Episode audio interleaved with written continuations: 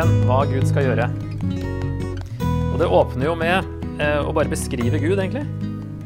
En beskrivelse her fra vers 2 til 10. Herren er en nidkjær Gud som tar hevn. Herren tar hevn og er full av harme. Herren tar hevn over motstanderne. Han holder fast på vreden mot fiendene. Herren er sen til vrede, hans makt er stor. Herren unnlater ikke å straffe. Gjennom virvelvind og storm går hans vei. Skyer er støvet under hans føtter. Han truer havet og legger det tørt. Alle elver tørker han ut. Nå visner Basan og Karmel.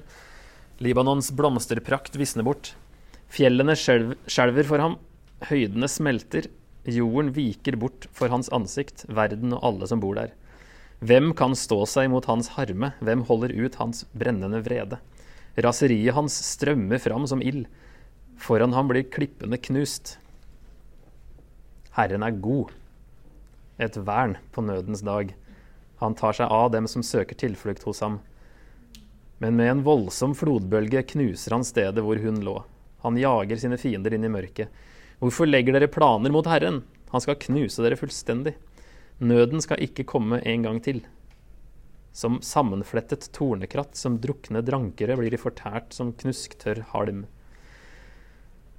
Ta de første her, da, som er egentlig bare sånn Her kommer Gud.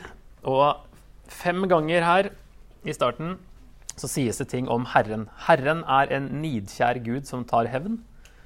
Herren tar hevn og er full av harme.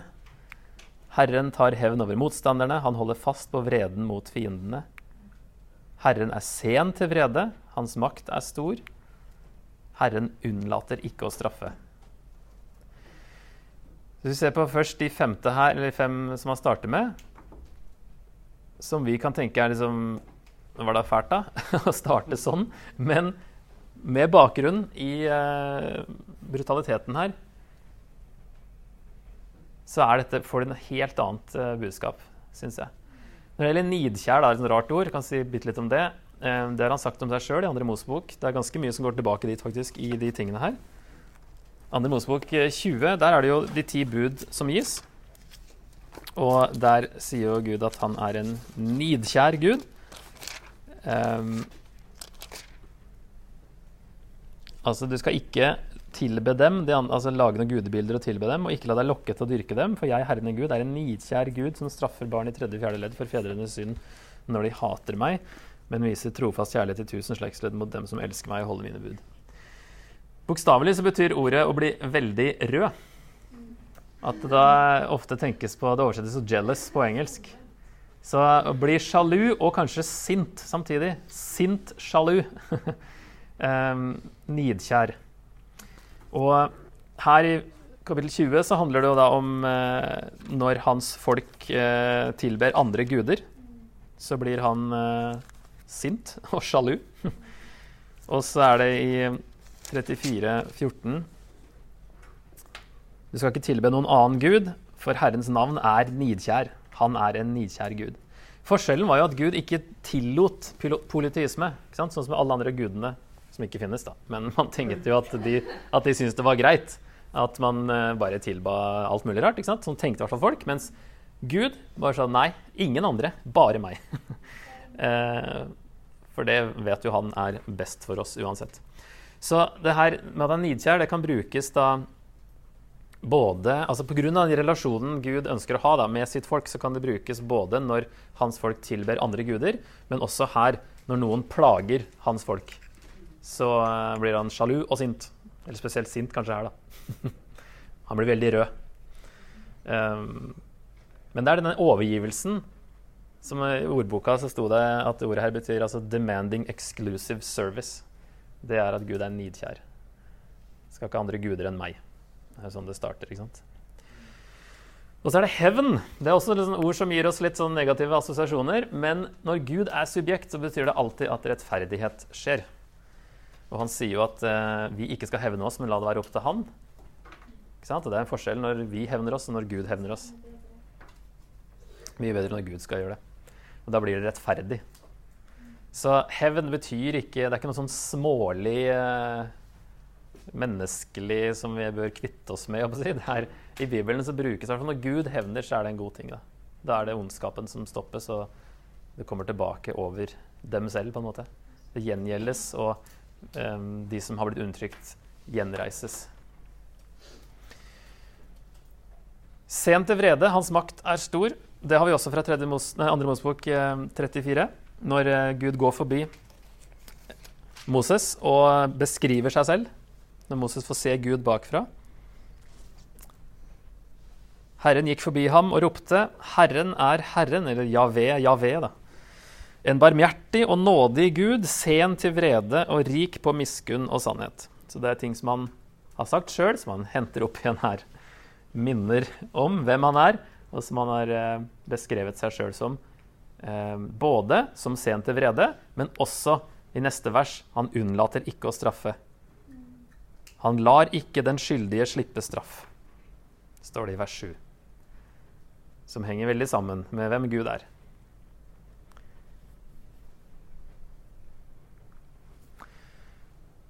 Hvorfor starte slik i dette budskapet?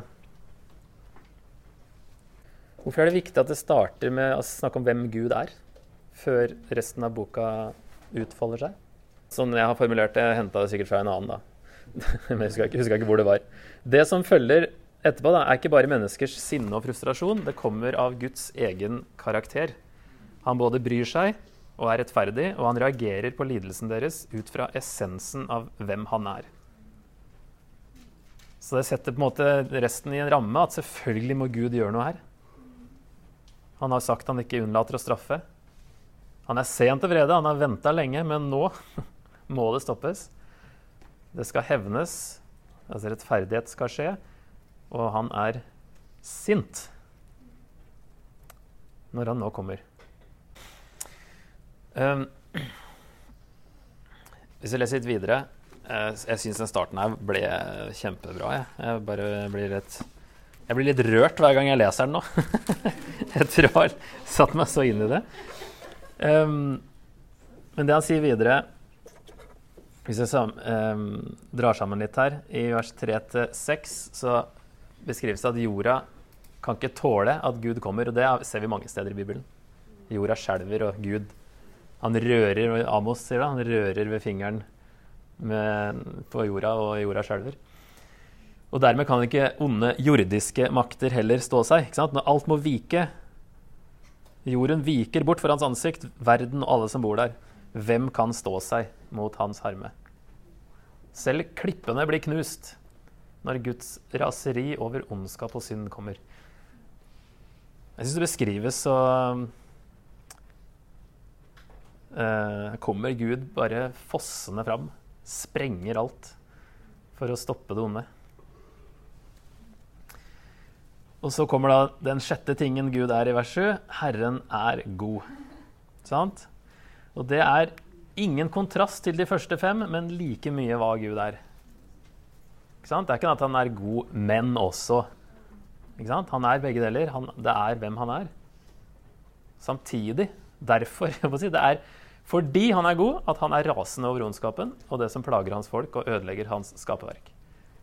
La inn en uh, sånn her uh, Hva heter det? Asterisk? Stjerne, heter det. Jeg la inn en stjerne her for å Det var her jeg satt bare og skrev notater. Og her Eh, det var her jeg første gang fikk tårer i øya, tror jeg. når jeg kom inn. Men jeg så for meg bare en sånn en, eh, Ja, som en far da, som kommer stormende så fjellene sprenges for å redde å si, sine barn fra mishandling og ondskap. Da. Det var det bildet som uh, slo meg litt. Ja, Han kommer springende så klippene sprenges for å redde sine barn fra ondskapen. Det er litt, det er litt sånn der bjørnemor sant? som bare klikker helt, men Gud klikker kontrollert. Men, da, men da, du tør ikke være i nærheten av eh, en bjørnemor med bjørneunge. Altså. Det gjelder jo mange dyr som har det instinktet, og her, det er noe av det samme her altså, som beskrives. Og så eh, vers 8-11 her, altså hvem tør legge planer mot en gud som beskrives slik? Når klippene blir knust, så blir Ninive knust, og alle som gjør opprør, blir knust. Og det snakker også Salme 2 om. Når alle jordiske kongene slår seg sammen mot Gud og hans salvede, så skal, de, skal Messias eh, knuse dem med jernstav. Ninive har brakt nød over andre for siste gang, står det her. Nøden skal ikke komme en gang til. Og ved å gjøre ondt mot mennesker har de gjort ondt mot Gud. Nå har jeg gått litt videre fra kapittel eh, egentlig til 11, kanskje jeg skulle vært med her. Hvis jeg leser 11 Fra deg gikk det ut en som tenkte ut ondt mot Herren, en ondskapens rådgiver. Som kanskje er kanskje av kongen spesielt, da. Men altså en som tenkte ut ondt mot Herren. Så det her er eh, ondskap mot Gud når det går utover andre mennesker synd mot Gud da, når man behandler andre mennesker som er skapt i Guds bilde, på den måten. Så eh, Ja, 11 eller 12, jeg vet ikke hva jeg skulle vært her, jeg. 12 til, kanskje 12 til 14 her, da. Um, så sier Herren, om de er aldri så sterke og mange, skal de likevel hogges ned og bli borte. Om jeg har plaget deg, Juda, skal jeg ikke plage deg mer. For nå bryter jeg åket og tar det av deg. Lenkene dine river jeg av. Så har vi jo sett i Jesaja 10 da, for eksempel, at uh, Gud beskriver hvordan han har brukt asyrerne tidligere, og bruker jo andre folkeslag òg, til å eh, disiplinere sitt eget folk og få dem tilbake til seg. Der han sier da at um, um, ja, det selve dommen kommer der i vers 12. Jeg kan tatt med fra vers 5, eh, egentlig. da, 5 til eh, 12. Der han sier da at eh, Jeg sender ham mot et ugudelig folk. Byr, byr ham fare mot folket jeg har ham på. står det vers 7. Men det er ikke slik han mener det. Ikke slik hans hjerte tenker det. For han vil ødelegge og utrydde mange folkeslag. Han vil bare ta for seg, mens Gud bruker han. Så det er det kanskje han hinter til her, da, at selv om det har skjedd før. Om jeg har plaget deg, skal jeg ikke plage deg mer. um, og så står det vers 12. Men det skal skje når Herren har altså Jesaja 10, vers 12, når Herren har fullført hele sitt verk på Sionfjellet og i Jerusalem. Da krever jeg kongen av Assur til regnskap for frukten av hans hovmodige hjerte og glimtet i hans stolte øyne. Så en lite hint der om at uh, de skal dømmes, de òg. Og det skjer jo da for alvor her, da. Så vi prøver å oppsummere kapittel 1. Når Gud åpenbarer seg, skjelver verden. Han kommer som en ørkenstorm som tørker opp vannet og får de mest fruktbare områdene til å visne. Han blåser vekk fjellene fordi jorda ikke kan stå foran ham. Det er voldsomt og skremmende når Gud kommer for å dømme, men ikke for dem som søker tilflukt i ham. Det er Guds fiender som skal dømmes, og denne gangen Ninive, for sitt opprør mot Gud og sin ondskap. Gud skal befri Juda fra undertrykkelsen ved å la Ninive gå under. Så det var da hva Gud vil gjøre. Dette. Skal redde dem ved å stoppe ondskapen.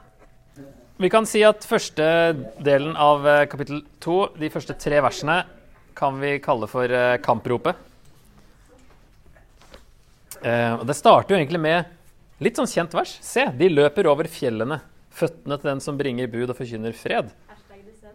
Hashtag, og hashtag, hashtag, først og fremst uh, hvor da? Eller hvilken bok? Hvor har vi hørt noe lignende før? Jesaja. Mm. Eh, det kommer tydeligere fram da, i eh, 88-oversettelsen og Bibelen Guds ord at det er det samme som Jesaja, for der står det jo 'godt budskap' og 'forkynne evangeliet'. Mens her står det da litt annerledes med 'bringer bud'. Men det er jo egentlig det samme. Eh, det er der vi finner ordet evangelium ikke sant? i den greske versjonen av Jesaja. Første gangen. Så det er jo gode nyheter at det onde skal ta slutt. Slik at de kan holde høytid igjen, som det står i neste. Hold dine høytider, Juda, innfri dine løfter. For aldri mer kommer de onde mot deg, de er fullstendig utryddet. Det er andre gang det sies at aldri mer. Det skal bli fred. Og det her sies med en messiansk overtone som holdes langt inn i fremtiden når uh, Paulus siterer det i Romerne 10, uh, eh, og at det da er evangeliet å si, oppfylt når uh, Jesus kommer. Og så, hvis vi tar vers, vers 2 og 3 Han som skal spre deg, drar ut mot deg. Vokt festningen, hold øye med veien, spenn beltet om livet, vis stor eh, kraft og styrke. For Herren gjenreiser både Jakobs storhet og Israels storhet, fordi røvere tok rov og ødela vinrankene deres. Så Gud kommer mot dem her. Han som skal spre deg, drar ut mot deg. Vokt festningen, hold dem i veien, spenn beltet med livet, vis stor kraft. Altså, det er bare å gjøre seg klar. Gud kommer. Som om det hjelper noen ting å gjøre seg klar. Men uh, her uh, nå varsles det for alvor da, at et angrep kommer. Og at Herren gjenreiser sitt folk ved å ødelegge fiendene, som det står her i vers 3. Det er uh, det positive da med at fiendene ødelegges. Ok, og Så kommer det på en måte en beskrivelse av angrepet, som da sies jo før det har skjedd. Så det er som, på en måte som ja, Nahum ser det skje. Og kanskje han gjorde det, da, siden det er et syn. sant? Synene til Nahum. Så han så kanskje det her, krigen, og så beskriver han det. Uh, og Da er det først selve angrepet i uh, vers 4 og 5. Heltenes skjold er farget røde. Krigsmennene er kledd i skarlagen. Det er jo da rødt og skarlagens rødt, så på å si. At det, det er noe ordspill på blod, ettersom det ligner også på hebraisk. Dam er blod, og adom, altså samme konsonantene, betyr rød. Naturlig at det er en sammenheng mellom fargen rød og blod, da. Og derfor brukes det som et bilde, og har alltid gjort det. Ja, Angrepet her, altså. Eh, vognene er som brennende jern den dagen han stiller dem opp til kamp. Spydene er innsatt med gift. Gjennom gatene raser vognene fram, over torgene farer de fram og tilbake. De ser ut som fakler, som lyn farer de av sted. Og så kommer et slags raskt forsvar, virker det som, i vers 6. Han kaller fram stormennene sine. De snubler mens de rykker fram. Altså, det kan forstås enten som asyrerne som snubler i panikk, eller at angriperne er så ivrige at de snubler. Eh, det er litt sånn diffust her. Men det virker som han kaller frem stormennene sine, kan jo være kongen som prøver å forsvare seg. Eh, de stormer eh, bymuren, skjoldtaket blir reist. Det funker jo uansett ikke, det forsvaret her. Eh, portene mot elven blir åpnet, palasset vakler. De stiller henne naken fram og fører henne bort. Tjenestejentene klager som duer og slår seg for brystet. Ninive ligner en dam som vannet renner ut av. Stans, stans, men ingen vender tilbake. Her er det litt sånn interessant i eh, noen gamle gamle kilder. Den greske historikeren Diadorus fra første århundre før Kristus sier at elven Tigris oversvømte byen. Og, og, det har fått noen historikere til å mene at eh, babylonerne og mederne demmet opp Tigris for å sende en flodbølge mot byen, som det også står uh, i vers 8 i kapittel 1, med en voldsom flodbølge knuser han stedet. Det kan være bokstavelig. Eh, og at det da uh, Litt spor av det her med at portene mot elven blir åpnet, palasset vakler, og i så fall da Ninive ligner en dam som vannet renner ut av. Kan jo det å forstå som at menneskene forsvinner, da, i vers 9. Ingen vender tilbake, og de blir ført bort i vers 8. Så det er sånn, litt uklart, men det kan være at det var sånn de gjorde det når byen var såpass eh, voldsom eh, og innta, vanskelig å innta, så måtte de da finne på noe nytt. Og eh, kanskje lagde en kjempeflodbølge. Og det asyrerne hadde gjort med tusenvis av andre, skal skje med dem selv. Altså det at de skal stilles nakne fram og føres bort. Som man da men tatt i eksil, stort sett naken. Eller så godt som naken. Og marsjere i mange uker til et annet sted. Så her er det Ninive som er hun. Eh, og kan også nevne Det altså det er budskap om Ninive. Det er byen som skal gå under. Det er ikke nødvendigvis alle folkene. Her blir du tatt i eksil, og mot slutten kapittel 3 virker det som at de bare fordufter mange folk. Blir borte. Eh, sånn at det er byen som et maktsentrum som skal gå under. Selvfølgelig vil jo folk eh, dø i en invasjon sånn, men eh, det, det, er ikke innbyggerne som får det til domsordet, det er byen. ikke sant? Så det blir en personifisert da, som en en dame, sånn sett. Når Gud dømmer, så betyr jo ikke det at han ikke ser forskjell på folk. liksom. Det, og her er det mye som skjer i den invasjonen her. Noen dør, andre tas i eksil, andre stikker. Og sånn som når Israel også gikk under og ble tatt, så ble jo de fattige igjen. ikke sant? Sånn at de ble redda. Eh, sånn at det, det er godt mulig at det er litt sånn Gud har kontroll på en rettferdig dom her. Men man blir nok påvirka av kulturen man bor i og var vant til å vokse opp i et sånt eh, brutalt samfunn, Men er, man tenker ikke over det som er vanlig. Kulturen er det man ikke tenker over. Så hvis det er kultur å være brutal, så er man brutal. Men det er jo selvfølgelig forskjell på folket. Og på slutten her så blir byen liggende åpen og forsvarsløs. Hele verdens rikdom befinner seg her. Nå er det bare å forsyne seg. Når det står da at eh, eh, ran sølv, ran gull, her er rikdom uten ende, overflod av vakre ting, ødeleggelse, mer ødeleggelse, alt ligger øde. Redde hjerter, vaklende knær, hoftene skjelver, hvert ansikt blir rødt kan være en sånn eh, at det slutter med rødt og begynner med rødt her, men det er et annet ord for rødt her da, som oversettes litt forskjellig. Så det er ikke alltid rødt. Det er blekt noen ganger. At de, blir, at de blir redde. Det passer bedre med blekt, egentlig. Redde hjerter, vaklende knær, hoftene skjelver, og hvert ansikt blir blekt. Det er ikke et samme ord som, altså det er ikke ord for rødt, som vi så i stad. Nå er det mer, uh, mer asyriske relieffer. Det gir litt bakgrunn her til vers 12 til 14. Eh, hvor er løvehulen, stedet der ungløvene fikk mat, der lø løven og løvinnen vandret og ingen skremte løveungene? Løven rev i hjel, ungene fikk det de trengte. Den kvalte byttet for sine løvinner og fylte hi og huler med kjøtt. Se, jeg kommer mot deg, sier Herren over hærskarene. Jeg lar vognene dine gå opp i røyk. Sverd skal fortære ungløvene dine. Jeg utrydder byttet ditt fra jorden. Aldri mer, for tredje gang, skal ropet fra dine sendebud høres. Så løvebakgrunnen her Her er det på en måte det snus at den herjende løven skal bli bytte. Fordi Asurbanipal han skrøt av sine ferdigheter som løvejeger. Vi kan se det, det er han som står her oppe. Her slåss for hånd liksom, med en løve. Veldig tøff. Og her også er de på løvejakt. Da. Så både at de jakta løver og eh, skrøt av det, og, men også så på seg sjøl som eh, løver. Altså han og andre asyriske konger sammenlignet også seg selv med løver, slik at løven ble et asyrisk symbol, og som babylonerne også overtok. da. Så i Daniels bok så er det en løve, som, eller det første dyret som kommer opp av havet der, så ut som en løve. Og der er det Babylon da, som er løva. Men det, er jo samme område. Så det her ble asyrisk symbol eh, først. Så en, det at de sammenligna seg sjøl med løver, og at de skrøt av at de jakta løver. Så tar Nahum og Gud da, og slår disse to bildene sammen og snur på det. Mens asyrerne så på seg selv som mektige løver som jaktet byttet sitt, blir de her fremstilt som løver som i stedet blir jaktet på. Løvehulen Ninive skal ødelegges. Bruker egne, deres egne bilder om seg sjøl og snur det mot dem. Så uh, nå skal de være de løvene som blir jakta. Ok, kapittel 3. Hvorfor skal Gud gjøre det? Og her eh, har vi en spenstig uh, Vi kan dele inn i tre. Så har vi en spenstig tittel på første delen. 'Trolldomshoren skal vanæres'.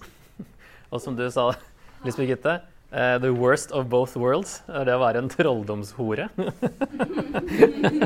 og det er nok noe poeng i det. Her har vi to ganske sånn eh, uglesette personer som slås sammen som et bilde på Ninive.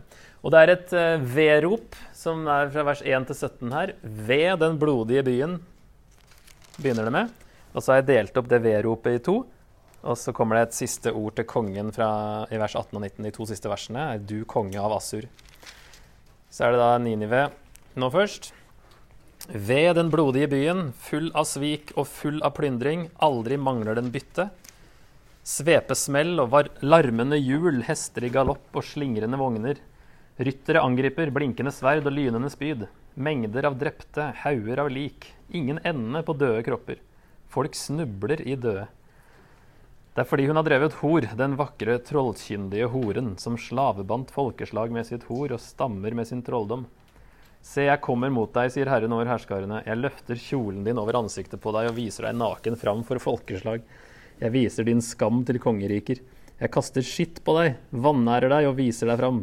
Alle som ser deg, skal flykte og si, Ninive er ødelagt. Hvem synes synd på henne? Hvor finner jeg noen som kan trøste deg? Her er det ingen som vil synes at dette er noe trist. Alle vil juble. Så hvorfor Gud skal gjøre det, hvis vi skal prøve å oppsummere det første som sies her, så er det jo pga. grusom imperialisme, svik, plyndring og hauger av lik. Og også da kanskje kalle det her trolldomshore, eller tolke det som politisk arroganse og avgudsdrykkelse. Um, det står i hvert fall i kontekst her av, uh, av den slavebandt folkeslag med sitt hor og stammer med sin trolldom. Det er en paralysme der da, mellom hor og trolldom.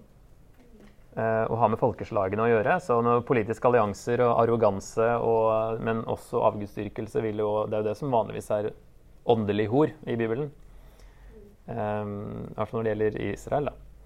Så det er litt annerledes når det brukes om et annet folk. Men uh, det har noe med hennes posisjon i verden å gjøre den gangen, virker det som. Og hvordan hun da, hun som i byen, uh, kontrollerte andre folkeslag. Men nå skal hun da Undergangen i sånne verop. Først er det beskrivelse av uh, hva som kommer, eller hvorfor. Ved dere som det og det og det. Og så kommer undergangen som kommer der i vers 5-7. Den skal vanæres for hele verden ved å ødelegges. Som er et gledesbudskap for hele verden. Ingen vil synes synd på henne, ingen vil trøste henne. Og der er ordet naham, da, som er samme som nahum. Eller samme rota. Så dette er i hvert fall får litt mer hvorfor her. Det kommer mer i del to der det beskrives at Ninive skal falle som denne byen Noamon, den egyptiske byen.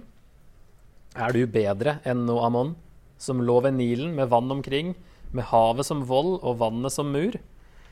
Kush og Egypt var hennes styrke, altså Etiopia og Egypt. Var en allianse, da. En styrke uten grenser. Putt og libyerne ga henne hjelp, altså nabonasjonene. Også hun måtte dra i eksil som fange. Det var jo asyrerne som tok den byen. Og så får vi da et glimt her av brutaliteten. Barna hennes ble knust på alle gatehjørner. De kastet lodd om stormennene. De mektige ble lagt i jenker, lenker.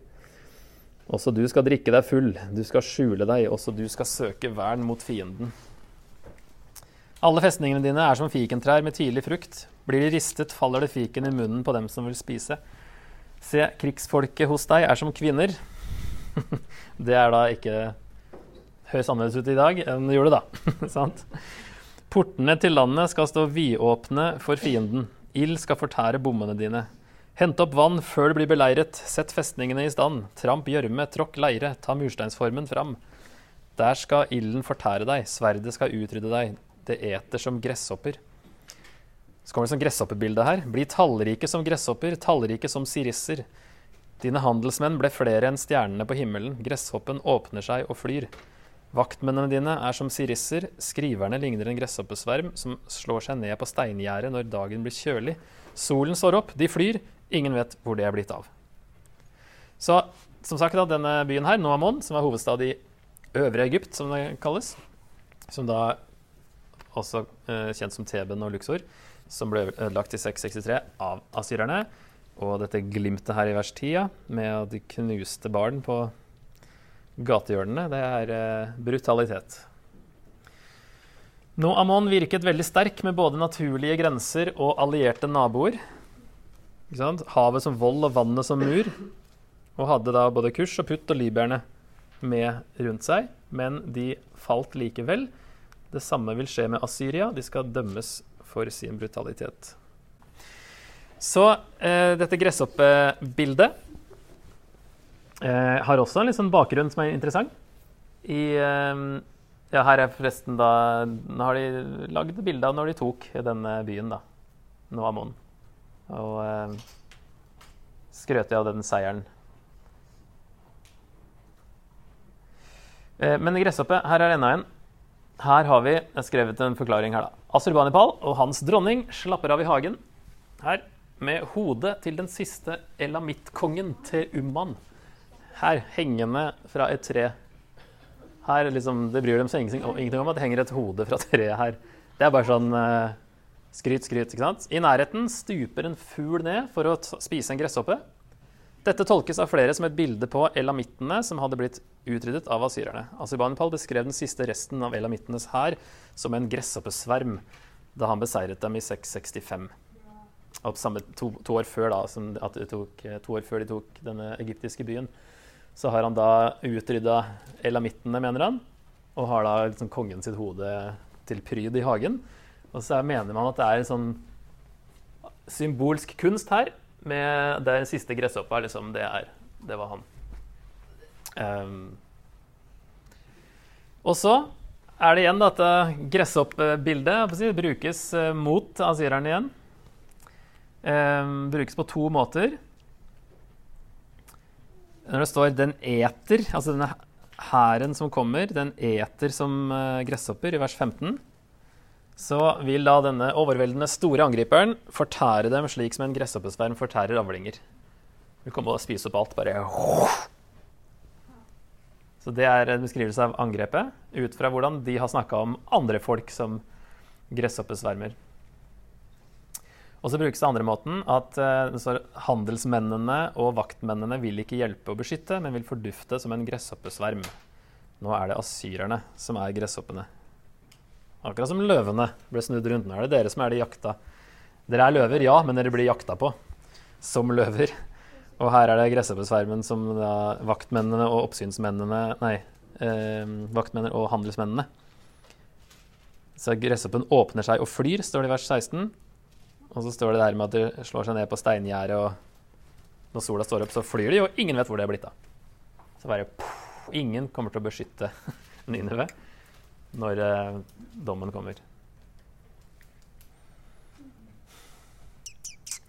Så eh, del tre er da de to siste versene. Den onde kongen er alvorlig såret. Da er det fest! da må vi feire. Dette er et ord til kongen, at, eh, kongen av Asyria om at det er ute med ham. Du konge av Asur, oppsynsmennene dine er trette, stormennene legger seg ned, folket ditt er spredt over fjellene, ingen samler dem inn. Det er ingen helbredelse for sammenbruddet, du er alvorlig såret. Alle som får høre om deg, klapper i hendene, for hvem har ikke gang på gang blitt rammet av din ondskap? Her klapper vi i hendene når den onde kongen holder på å dø, eh, fordi de har blitt ramma igjen og igjen. Og av, av Asyria generelt da, så har vi jo sett i historien med Israel at det har vært igjen og igjen og igjen. Og så har det blitt verre og verre. Og så nå eh, kan jo det her være om Asurbanipal, da sjøl, som vi kan se litt på etterpå. Han døde i 631, da. Så det kan jo være at det her eh, er om at han kommer til å dø, og at eh, Asyria ble ganske svekka etter at han døde. Så da begynner liksom fallet. OK. Skal vi se en liten film? Fra den her eh, Det var en gang et menneske-serien. Ja. Den er ikke så lang, men den, den, den oppsummerer eh, Asyria veldig kjapt her da, på ett og et halvt minutt eller noe sånt. Er de krigerske asyrerne blitt et modent folk?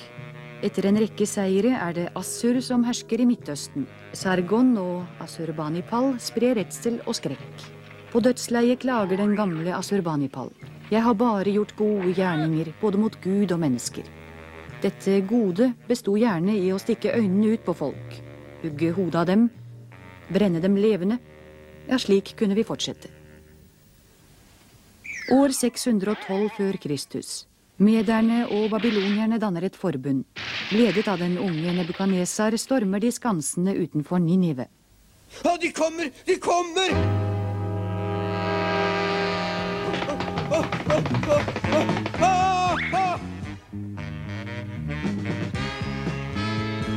Profeten har sagt den allmektige skal gjøre Ninive til et område like ufruktbart og goldt som ørkenen. Så eh,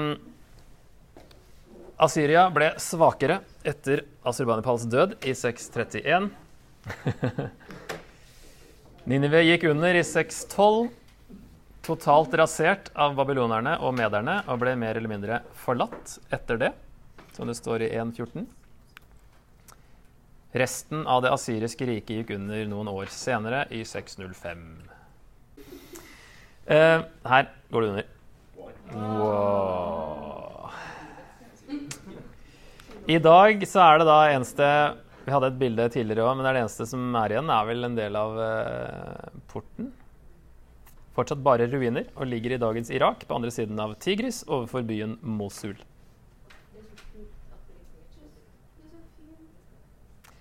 Så den ble helt ødelagt og er ikke gjort så mye mer. Den ligger der bare fortsatt. OK.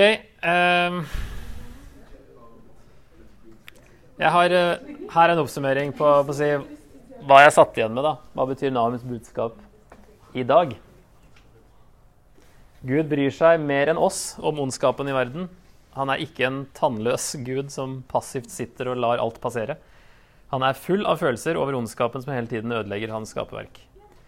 En dag skal han gjøre fullstendig ende på all ondskap og brutalitet og gjenreise sitt folk ved å ødelegge fienden. Fordi han er god. Dette er et gledesbudskap som fortsatt trøster. Alt skal bli bra. Faktisk.